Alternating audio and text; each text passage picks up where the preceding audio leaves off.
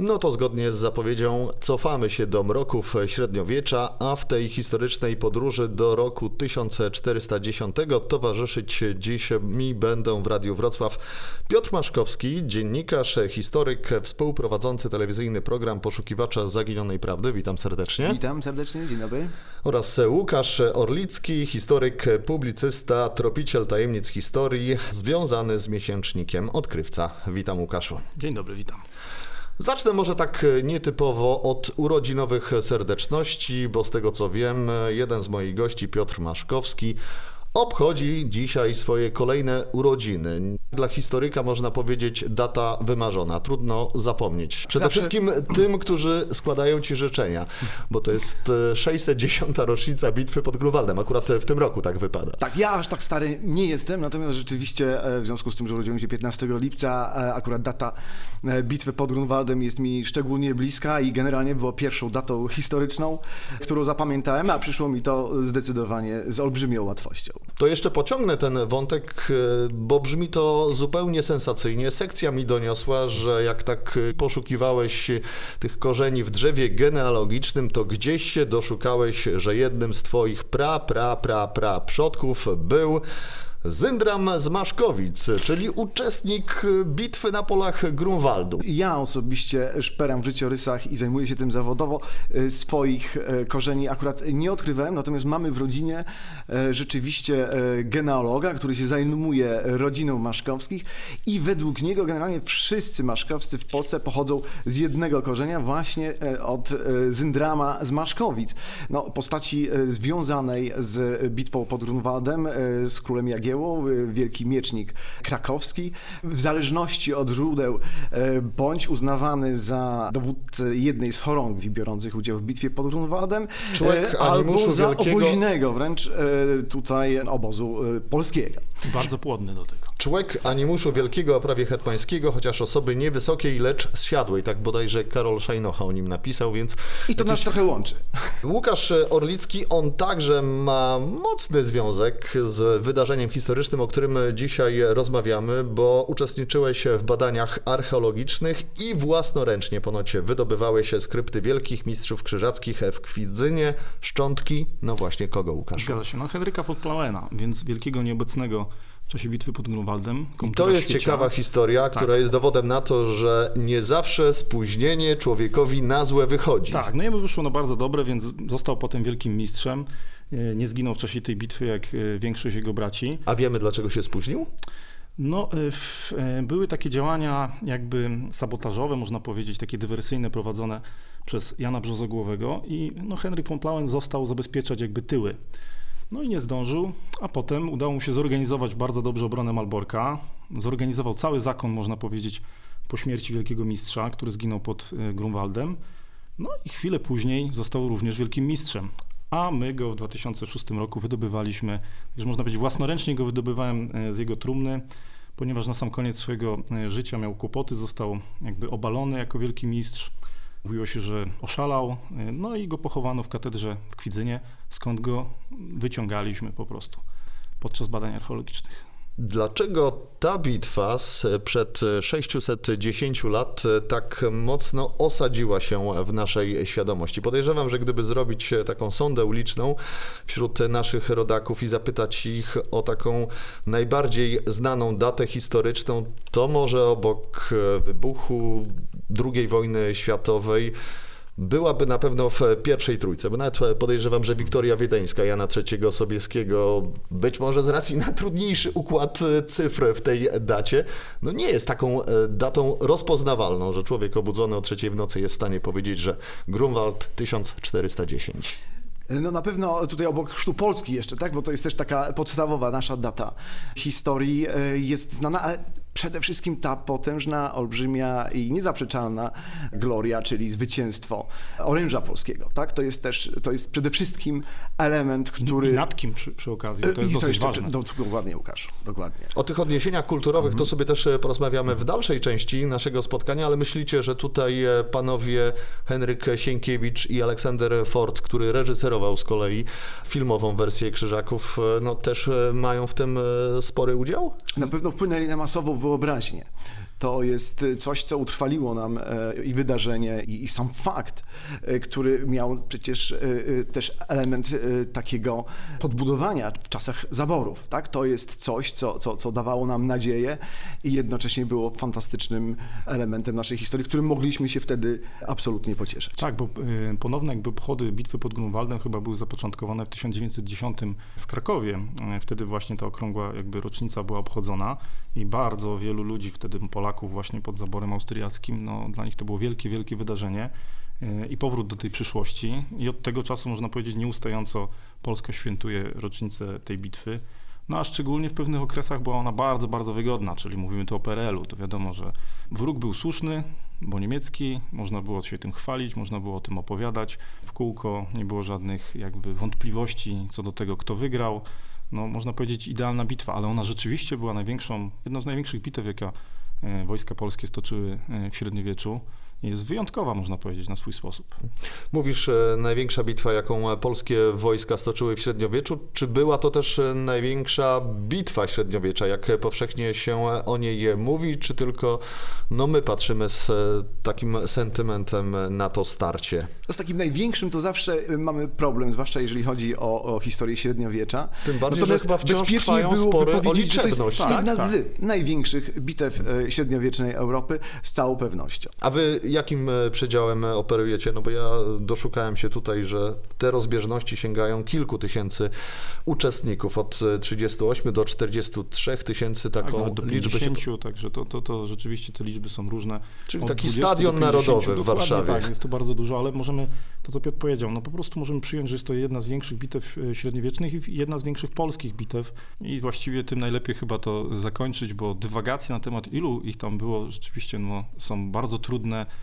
Wielu historyków już poległo na tych liczbach lub ewentualnie upiera się co do ich, a no niekoniecznie one mogą, mogą być prawdziwe po prostu. Natomiast Z pewnością też największa, to zwróćmy uwagę, że w porównaniu do takich wielkich bitew e, naszego rycerstwa, e, jak na przykład Cedynia czy, czy Płowce przecież w XIV wieku, to oczywiście Grunwald był w porównaniu do nich znacznie, znacznie większą bitwą. No zdecydowanie też powiedzmy, no w ogóle tym XV wieku, bo jednak te wcześniejsze bitwy też mało wiemy na temat liczebności. No tutaj próbowano ją odtworzyć na podstawie jednak tych liczby chorągwi, które brały udział y, w tej bitwie, no bo powiedzmy te źródła są lepsze niż w przypadku, nie wiem, bitwy pod Pochcami Czy załóżmy. Cydynią, no oczywiście. Tak, tak, tak. Tutaj mówimy też o jakości źródeł, a źródła w tym przypadku są istotne, choć wbrew pozorom nie ma ich zbyt wielu. Samo miejsce bitwy, z tego co doczytałem, wybrał je wielki mistrz krzyżacki Urlich von Jungingen i to mnie troszeczkę zainspirowało, żeby zadać wam to pytanie, bo tak od razu mi się skojarzyło, że jak się w czasach szkolnych umawiało na jakąś bitkę, to się mówiło po lekcjach na boisku szkolnym. Jak to wyglądało w e, przypadku właśnie takiej logistyki średniowiecza? No, pola bitwy w średniowieczu no, były, można powiedzieć, różnie wybierane. Też mało e, wiemy tak naprawdę, e, w jaki sposób. Najczęściej chyba dochodziło do tego swego rodzaju przypadkiem. Jeśli chodzi o bitwę pod Grunwaldem, to z pewnością mm, to miało miejsce, ponieważ no, jednak polsko-litewska i Armia Krzyżacka manewrowały przed tą bitwą i próbowały jakby spotkać się. Najpierw tam pod Kurzętnikami, prawda, były próby forsowania e, rzeczki, tam Krzyżacy się częściowo e, przygotowali do tej obrony. No ostatecznie jakby wojska koronne obeszły. No i tu są spory historyków tak naprawdę, bo my nie wiemy w jaki sposób one e, dokładnie i w którym momencie e, się spotkały. No przyjmuje się, że właśnie tego 15 lipca i najpierw powiedzmy te wojska krzyżackie zajęły ten dogodny dla siebie teren, a przynajmniej tam napotkały pierwsze polskie podjazdy. No i potem Polacy już i Litwini nadeszli, rozwinęli się i rozpoczęła się bitwa. A można o niej mówić właściwie godzinami o tym e, rozłożeniu wojsk polskich, bo do dzisiaj nie wiemy dokładnie, w którym miejscu te główne fazy bitwy e, się odbyły. Właśnie z tego powodu, że to jest dosyć duży teren, to jest chyba 25 kilometrów kwadratowych. Tutaj głównym problemem jest to, że mamy y, część tych źródeł historycznych, które nam mniej więcej określają zasięg y, obszarowy tej bitwy. Natomiast już od jakiegoś czasu, właściwie pierwsze badania archeologiczne, pseudoarcheologiczne, bo jeszcze wtedy archeologii jako takiej nie było, to jest y, druga połowa XVIII wieku.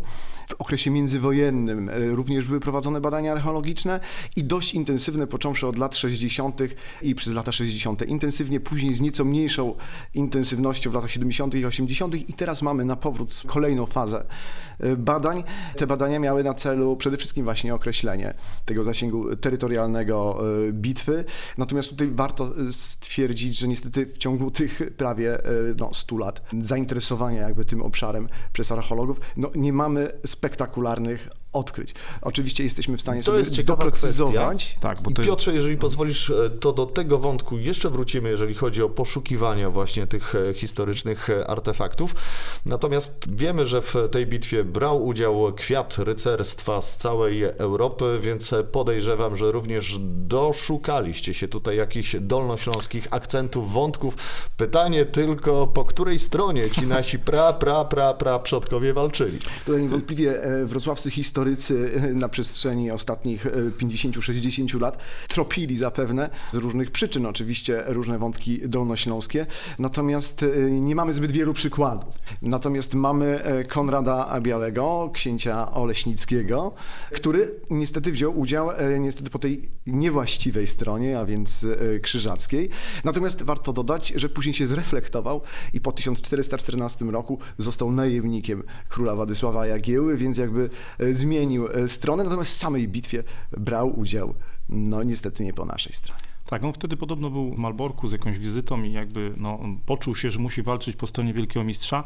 Niemniej e, grono rycerzy tutaj dolnośląskich i z Wrocławia i właśnie z Oleśnicy, no, spotkało się pod tą chorągwią właśnie księcia Oleśnickiego i walczyło po stronie krzyżackiej, ale to ciekawe, górnoślązaca, właściwie nawet z Opolskiego, tutaj z rejonu Raciborza, niemodlina rycerzy, z których jednym ze słynniejszych był taki rycerz Petulin z Zimnej Wódki, tak się określa to. e, Znana jego miejscowość. Tak, znana miejscowość. E, Więc ten rycerz nawet wprost wysłał list do Wielkiego Mistrza, miał wysłać, w którym to, prawda, twierdził, że rycerze tutaj z Górnego Śląska opowiadają się po stronie króla Władysława, czyli można powiedzieć Śląsk się lekko podzielił, dolny był po stronie krzyżackiej, górny po stronie polskiego króla. Czy w e, przypadku tej bitwy możemy mówić o jakimś innowacyjnym rozwiązaniu, o jakimś nowatorstwie, które zmieniło pola bitewne średniowiecza, było być może inspiracją e, dla kolejnych e, przywódców, dla kolejnych tego typu potyczek? Czy coś wnieśliśmy do historii? No, to jest bardzo ciekawe wojenności? pytanie, bo tak naprawdę ta kampania była dosyć nowoczesna jak na nowe warunki, choćby nawet pokonywanie mostem pontonowym czy łyżwowym, jakiego się nazywa, zrobienie przeprawy przez Wisłę y, wojsk królewskich, które połączyły się z litewskimi. No to to już jest y, sztuka nowatorska. Krzyżackie również pokonywały niektóre z rzek podczas swojego marszu, też za pomocą mostów y, świeżo konstruowanych. No, także to jest takie dosyć wyjątkowe.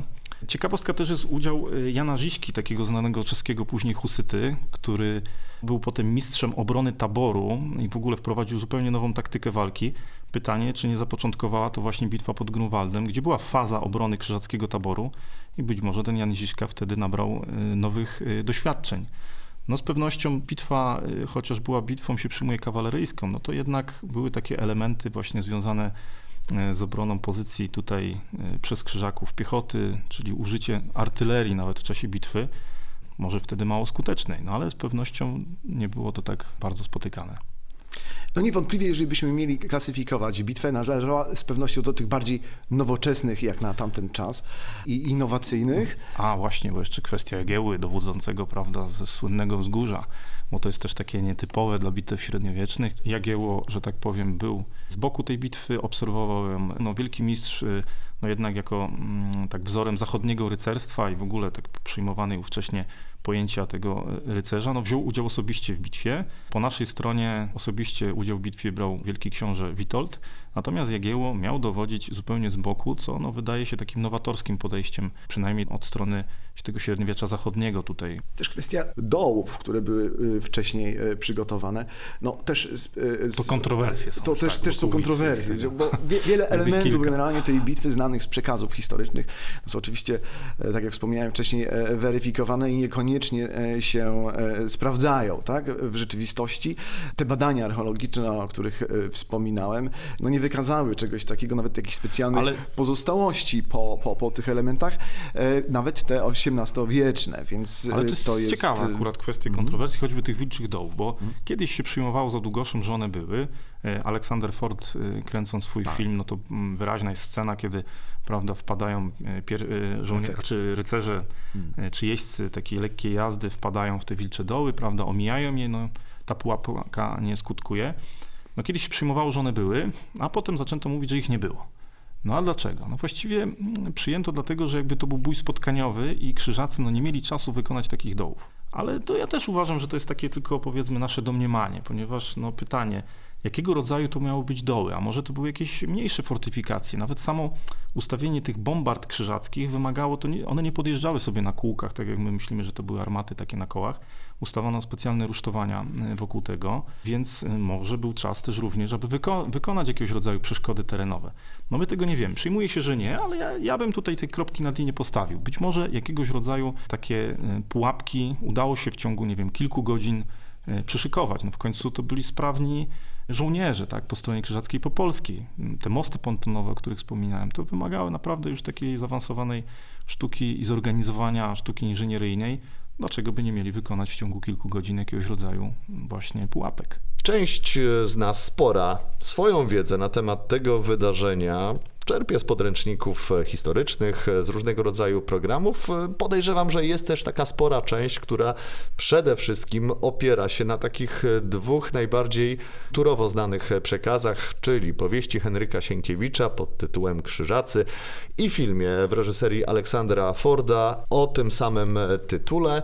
Już tutaj wspomnieliście o tych wilczych dołach, które filmie były, nie do końca musiały być na polach Grunwaldu. Co jeszcze może troszeczkę wypaczać obraz tej bitwy na podstawie tych literacko-filmowych adaptacji? A jeszcze tylko dodam jeszcze tylko, że jeszcze trzecia rzecz jest, Właśnie. czyli obraz Matejki. I no i dzieło Matejki chyba też każdy z nas obraz. kojarzy. To jest jedno, jedno z takich najważniejszych dzieł w malarstwie. No to teraz robimy taką konfrontację literatura, film, malarstwo kontra rzeczywistość. Takie największe rozbieżności. Tutaj generalnie też warto zwrócić mimo wszystko uwagę, bo jeżeli e, chodzi o to źródło, na którym e, bazowali wszyscy, czy Jan Matejko, czy Henryk Sienkiewicz, czy Aleksander Ford, punktem wyjścia z pewnością była e, kronika Jana Długosza. W związku z tym, że jest A temu to wielu też pod... wiem, że historyków zarzuca, że tak, no jak delikatnie źródło, mówiąc to, to, rozwijał się, musimy, prawdą koloryzował. Pierwszą warsztatową jakby rzecz podkreślić, która jest w historii najbardziej istotna, czyli krytyka źródła. I od tego każdy historyk mniej lub bardziej zawodowy bo ktokolwiek chciałby się zajmować tym, powinien do takiej e, krytyki e, przystąpić. Taką krytykę źródła możemy e, zastosować poprzez porównanie danego źródła do innego źródła i w tym momencie to już jest dość spore badanie, no, które jest prowadzone.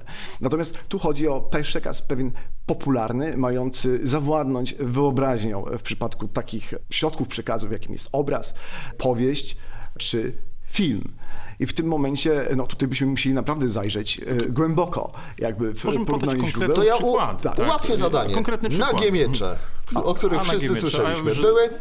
No przyjmuje się, że były, no tak nam mówi źródło. To nie było no, taki zwyczaj, powiedzmy, uznany z epoki wysyłania takiego rodzaju właśnie mieczy e, przed bitwą, także nie byłoby to coś wyjątkowego przyjmujemy, że one były. Zresztą były przechowywane one były. na katedrze to, to, to... na Wawelu, to nie ulega wątpliwości. One zaginęły dopiero yy, Ostatecznie w połowie XIX wieku, wieku tak? tak? Także myśmy, są, są w przekazach źródłowych, zresztą w stanach ewidencyjnych e, Skarbca Królewskiego znajduje się zarówno w pozycjach XVII i XVIII wiecznych, więc były. No i to jest taki Ale... fajny element, bo one są wciąż wbrew pozorom do odnalezienia. No to A. gdzie jeszcze panowie A. Sienkiewicz i Ford Właśnie oprócz chciałem... tej, e, tego nagięcia przede wszystkim ideologicznego, tak sobie je określimy, bo już e, ustaliliśmy wcześniej, że ten wydźwięk taki przede wszystkim antyniemiecki, e, który miał dotrzeć do odbiorców. Tak, a ja jeszcze na moment wrócę do obrazu Matejki, który też no, jest ważnym takim tutaj symbolem tej bitwy. Tam na przykład pojawia się Henryk von Plauen, jest jedną z centralnych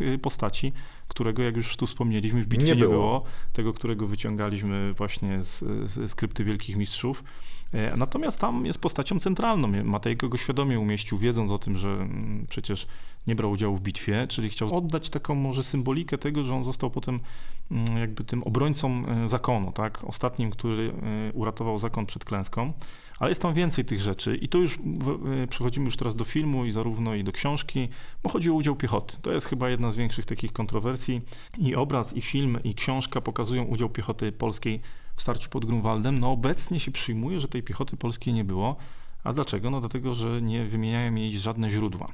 No i tak się przyjmuje, że to była bitwa kawaleryjska, że tej piechoty polskiej tam nie było. ale jak mówię, to też nie jest takie proste do odpowiedzenia. Mm, A artyleria? No artyleria na pewno była, znaczy w sensie takim, że została wymieniona w źródłach. Mówi się o dwóch salwach. No my wiemy, że bombardy ówczesne raczej nie mogłyby w stanie wykonać takiej y, dosyć szybko powtarzalnej salwy, bo tu mówimy no, o kilkudziesięciu co najmniej minutach, zanim druga salwa by się mogła zostać wystrzelona, więc raczej prawdopodobnie to, co Długosz odnotował, to odnosiło się do tego, że jakby nierówno atakowały y, formacje polskie i litewskie, być może część bombard odpaliła w kierunku tych, którzy atakowali na skrzydle litewskim, a część trochę później na skrzydle polskim. I stąd te dwie salwy. No ale ta artyleria na pewno była, natomiast z piechotą się łączy bardzo ciekawych kilka aspektów, bo tu mowa jest właśnie o śmierci wielkich braci. Też sprawa budząca wiele kontrowersji. Sprawa budząca wiele kontrowersji. No w filmie i książce nie ma tego do końca wyjaśnionego. Tam oczywiście pada to, że wielki mistrz ginie zabity właśnie e, ciosami bodajże jakiejś rochatyny litewskiego piechura chyba, czy, czy tak to jest określone w książce. W filmie też widzimy wielkiego mistrza, Aleksander Ford go sportretował, kiedy ogania się, można powiedzieć, mieczem przed atakującą piechotą, która go w końcu tam przewraca, obala i zabija. Ja tylko dodam, że w jednym z przekazów jest, że to właśnie oddział e, Zyndrama z Maszkowic właśnie e, dokonał tego, tego, tego tej ostatecznej walki właśnie z wielkim mistrzem. Także Ale, e, to taka Tak, no to można powiedzieć, że to są takie spory, które są bardzo długie, bo mówi się też, że to raczej chorągiew nadworna, bo Zyndram bodajże dowodził chyba chorągiewią krakowską, jeśli mnie pamięć tak. myli. A tu mówimy o chorągwi nadwornej, która w tym ostatnim starciu, w tej ostatniej fazie bitwy, bo ona miała kilka faz. Pierwsza atak na te umocnione pozycje krzyżackie, potem starcie już y, główne, potem próba ucieczka wojska litewsko-tatarskiego, no a potem uderzenie wielkiego mistrza z odwodem. I to jest właśnie ta jedna z ostatnich faz bitwy, y, gdzie ta chorągiew nadworna miała właśnie uderzyć też y, na ten odwód wielkiego mistrza. No i znowu ta piechota, tak, która wszędzie jest, a mimo to historycy odmawiają jej udziału w tej y, bitwie. No. To możemy y, zestawić oczywiście też z y, prawdopodobnym udziałem w bitwie pod Grunwaldem słynnych łuczników angielskich. Tak, to też się taki element pojawia, budzi kontrowersje, ale no jest nieweryfikowalny. Tutaj też powiedzmy sobie jasno, że bitwa zajmuje poczesne miejsce bez wątpienia w historiografii polskiej, natomiast w historiografii europejskiej jest tylko jedną z wielu, z wielu batalii batalii e, średniowiecznych, e, która e, no, nie jest do końca uznawana, że miała jakiś bezpośredni wpływ, to my sobie troszeczkę dopowiadamy jakby tą historię. Oczywiście na przykład w historiografii niemieckiej, co prawda już przestaliśmy toczyć jakieś wielkie spory, natomiast no, też nie zajmuje oczywistych przyczyn jakiegoś wielkiego no, nikt miejsca. nie lubi się tak, chwalić w historiografii litewskiej oczywiście też zajmuje ze względu na księcia Witolda też ważne miejsce, ale nie aż tak ważne jak w naszej historiografii. Tutaj chyba wszyscy jesteśmy zgodni, przede wszystkim wy, historycy, że ten sukces na polach Grunwaldu nie został odpowiednio wykorzystany, skonsumowany politycznie, doprowadził do pokoju z zakonem krzyżackim, ale też nie udało się tego zakonu wyrugować skutecznie z ziem polskich. Rzeczywiście szansa e, bezwzględnie e, nie została e, wykorzystana i jakby ten sukces nie został pociągnięty dalej. Cały XV wiek no, Polska walczyła potem z zakonem i było tych wojen kilka no można powiedzieć, że rzeczywiście ciężko, ciężko, takie duże zwycięstwo, a e, tu prawda zamiast maszerować prędziutko na Malbork i go zdobywać, e, dali czas Henrykowi e, von Plauenowi, żeby umocnił ten Malbork, obronił go i tak naprawdę no, zadowolono się dosyć niewielkimi mm, ustępstwami, a właściwie zwrotem tego, co zakon całkiem niedawno przejął w 1409 roku, czyli na początku tej wojny. Także można powiedzieć, że rzeczywiście kiepsko to wyszło z naszej strony. Duży sukces na polu bitwy, a słabo bardzo, jeśli chodzi o negocjacje. Tak, można można było rzeczywiście jakby sprawę zakończyć znacznie szybciej, tak. natomiast no jeszcze potrzeba było jest, całych 100 lat, tak, to jest pole do ponad 100 lat, żeby, żeby zakończyć sprawę e, e, sporu e, z zakonem. Pole do popisu dla różnych tam spiskowych teorii oczywiście, bo niektórzy twierdzą, że Jagiełło nie chciał tego zrobić, nie chciał takiego wzmocnienia Królestwa Polskiego kosztem Wielkiego Księstwa Litewskiego. Kilku historyków takie teorie snuło, czyli że Jagiełło jakby specjalnie tego nie, nie zrobił.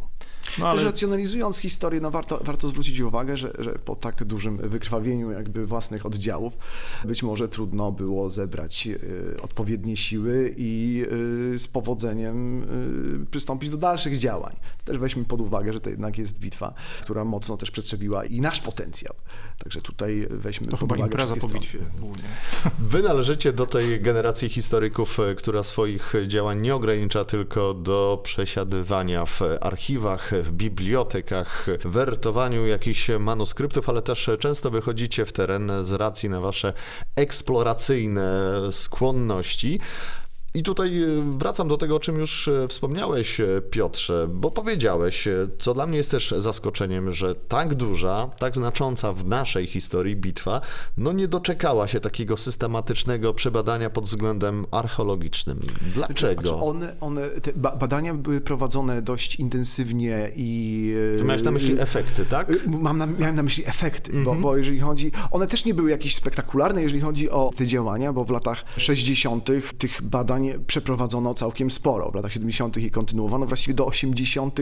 tam wciąż coś się działo. Natomiast to, co mówiłem, że zabrakło tego spektakularnego efektu y, w, y, przy odnalezieniu jakiegoś konkretnego artefaktu. A, a co to byś uznał za taki spektakularny efekt? Na przykład, y, Dwa nagie miecze, o nich już była mowa. Wspominałem choćby o mogiłach, które w czasie tych pierwszych takich pseudobadań e, archeologicznych w XVIII wieku wówczas zostały odnalezione szczątki w masowej mogile. Myślę, że taka masowa mogiła odnaleziona współcześnie mogłaby nam rzucić zupełnie nowe światło. Znaczy, może nie zupełnie nowe, ale właściwie istotnie uzupełnić naszą wiedzę.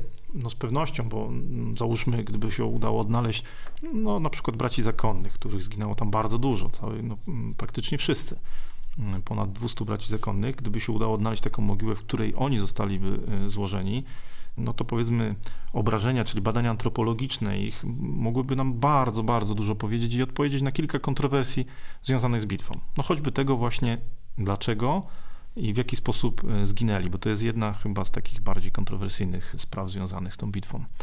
Tutaj też Bo- warto dodać, że ten ostatni etap badań archeologicznych, który jest prowadzony na e, polach e, bitwy pod Grunwaldem, jest prowadzony przy współudziale również poszukiwaczy, detektorystów, co ma związek z zastosowaną tam metodologią, bowiem została istotnie wzbogacona właśnie o urządzenia będące w stanie wykryć elementy metalowe i tych detektorystów bierze tam całkiem spora ilość, Chociaż tam tak, od widziałem- 60 do 70, więc to jest całkiem też spora Tak. możliwość wykrywania tego Chociaż- typu przedmiotów mających istotne znaczenie dla e, bitwy. Chociaż takie badania, powiedzmy, za pomocą detektorów metali, to jeszcze były prowadzone chyba w latach 80. i to wojsko prowadziło też takie szpalery, żołnierzy chodziły na polach z tymi wykrywaczami ówczesnymi wojskowymi próbowały odnaleźć te fragmenty.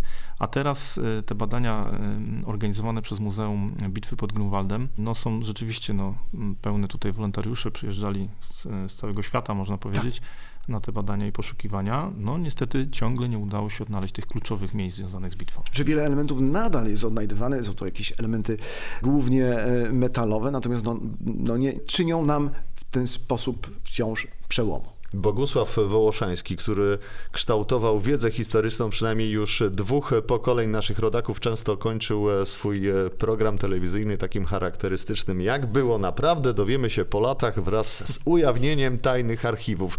Czy wy widzicie jeszcze jakiś potencjał w tych poszukiwaniach, czyli czy może nas coś jeszcze zaskoczyć, jeżeli chodzi o naszą wiedzę No, jak- o bitwie pod Grunwaldem? No jak najbardziej. Wszystko nas może zaskoczyć. E, Nawet e, wykopaliska archeologiczne. Ale Czy zwycięzca, mam nadzieję, się nie zmieni. No zwycięzcy trudno będzie zmienić, już by na, chociaż nie wiem, kto, jakby kto próbował, bo e, my możemy powiedzieć, że o bitwie, co można powiedzieć na pewno? Na pewno, że się odbyła i na pewno, że strona polska wygrała. I to jest właściwie pewniki stuprocentowe jedyne, a cała reszta no, to jest kwestią interpretacji tego, jak, co i dokładnie się tam wydarzyło. Jakiekolwiek byłyby to odkrycia, no z pewnością podręczników, raczej wątpliwie, żeby takie odkrycie nam zmieniło.